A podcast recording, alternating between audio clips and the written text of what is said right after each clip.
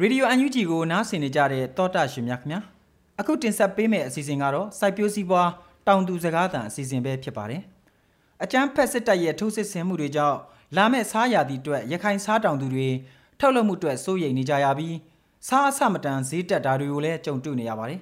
ဒီသတင်းကိုမကြီးမုံကအခုလိုပေးပို့ထားပါတယ်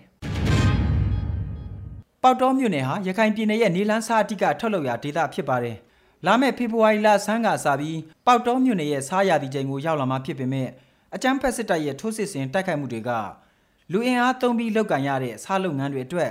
လူစုစုမြင်ရင်ဘုံကျဲတိုက်ခိုက်ခံရမှာကိုလည်းစိုးရိမ်နေကြရပါတယ်။ဒီအခြေအနေကိုပေါတောမြို့နယ်ကစားတောင်သူတူဦးကအခုလိုပြောပြပါတယ်။ စားကွင်းဆိုတာလေကျွန်တော်တို့ဥမာဧကတရာအကွင်း90ကွင်းအဲ့လိုမျိုးကွင်းဆိုရင်အနည်းဆုံးဧကတရာဆိုရင်လူ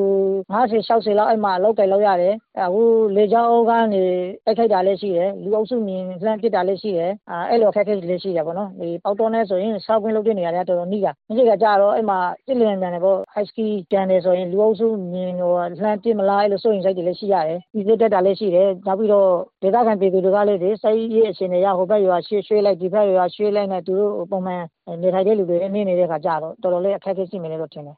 ရခိုင်ပြည်နယ်ရဲ့စားထုတ်လုပ်မှုက နေလန်းစားကို ထုတ်လုပ်တာဖြစ်လို့ကံယူရန်ဒေသဖြစ်ပေမဲ့ပြည်နယ်တစ်ခုလုံးမှာစားထုတ်လုပ်လို့မရဘဲ ရေထိန်နိုင်တဲ့ရှို့စေးမြေများရှိရာ ပေါက်တောနဲ့ကြောက်ဖြူမြို့နယ်မှာစားကွင်းတွေအများဆုံးရှိနေပါတယ်။ဒီကာလတွေက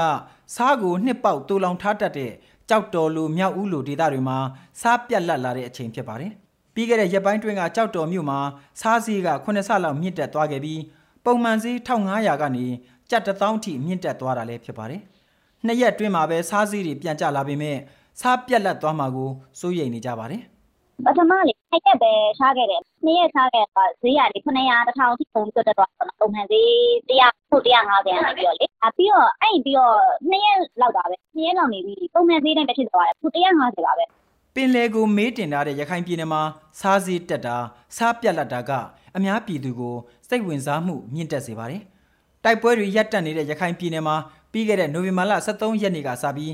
ရခိုင်တပ်တော် AA နဲ့အကြမ်းဖက်စစ်တပ်တို့အကြားတိုက်ပွဲတွေပြန်လည်ဖြစ်ပွားခဲ့ပါတယ်။အဲ့ဒီနောက်မြို့နယ်တစ်ခုနဲ့တစ်ခုဖျက်တမ်းခွင့်မပေးတာကုန်ပစ္စည်းတည်ယူမှုကိုဖျက်တောက်တာစတာတွေကိုအကြမ်းဖက်စစ်တပ်ကကျူးလွန်နေတာဖြစ်ပါတယ်။ဒါပြင် ပေါက်တော်မြို့ဟာကြီးရည်လေးပူပေါင်းစစ်စင်ရေးကိုလည်းအကြိမ်ကြိမ်လာရောက်တိုက်ခိုက်တာခံနေရတဲ့မြို့လဲဖြစ်ပါတယ်။စစ်ပွဲတွေကဆက်လက်တိုက်ခိုက်နေဆဲဖြစ်ပေမဲ့လာမယ့်စားရာဒီမှာတော့ပြည်내အတွင်းစားထုတ်လုပ်မှုကိုမထိခိုက်အောင်ဆောင်ရွက်သွားမယ်လို့အဆိုပါပေါက်တော်မြို့ကစားတောင်သူကဖြစ်ဆွတ်ပြောပါတယ်။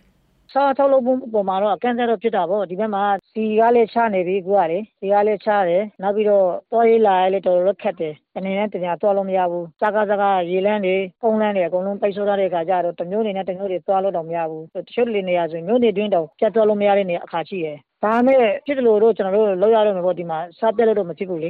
ရခိုင်ပြည်နယ်ရဲ့စားထုတ်လုပ်မှုကပြည်နယ်အတွင်းမှာပဲစားသုံးမှုရှိပြီးရခိုင်ပြည်နယ်နဲ့အခြားတိုင်းနဲ့ပြည်နယ်တွေကိုလည်းဆက်သွယ်ရေးဖြတ်တောက်ထားတဲ့အတွက် ပြည်နယ်တွင်းစားဖူလုံမှုကအရေးကြီးနေပါတယ်။ဒါကြောင့်စားတောင်သူတွေဟာစစ်တပ်ရဲ့အကြမ်းဖက်မှုတွေကြောင့်လာမယ့်စားရာသီမှာထုတ်လုပ်မှုအတွက်အခက်တွေ့မှာကိုစိုးရိမ်နေကြတာပဲဖြစ်ပါတယ်။သောတာရှင်များခင်ဗျာ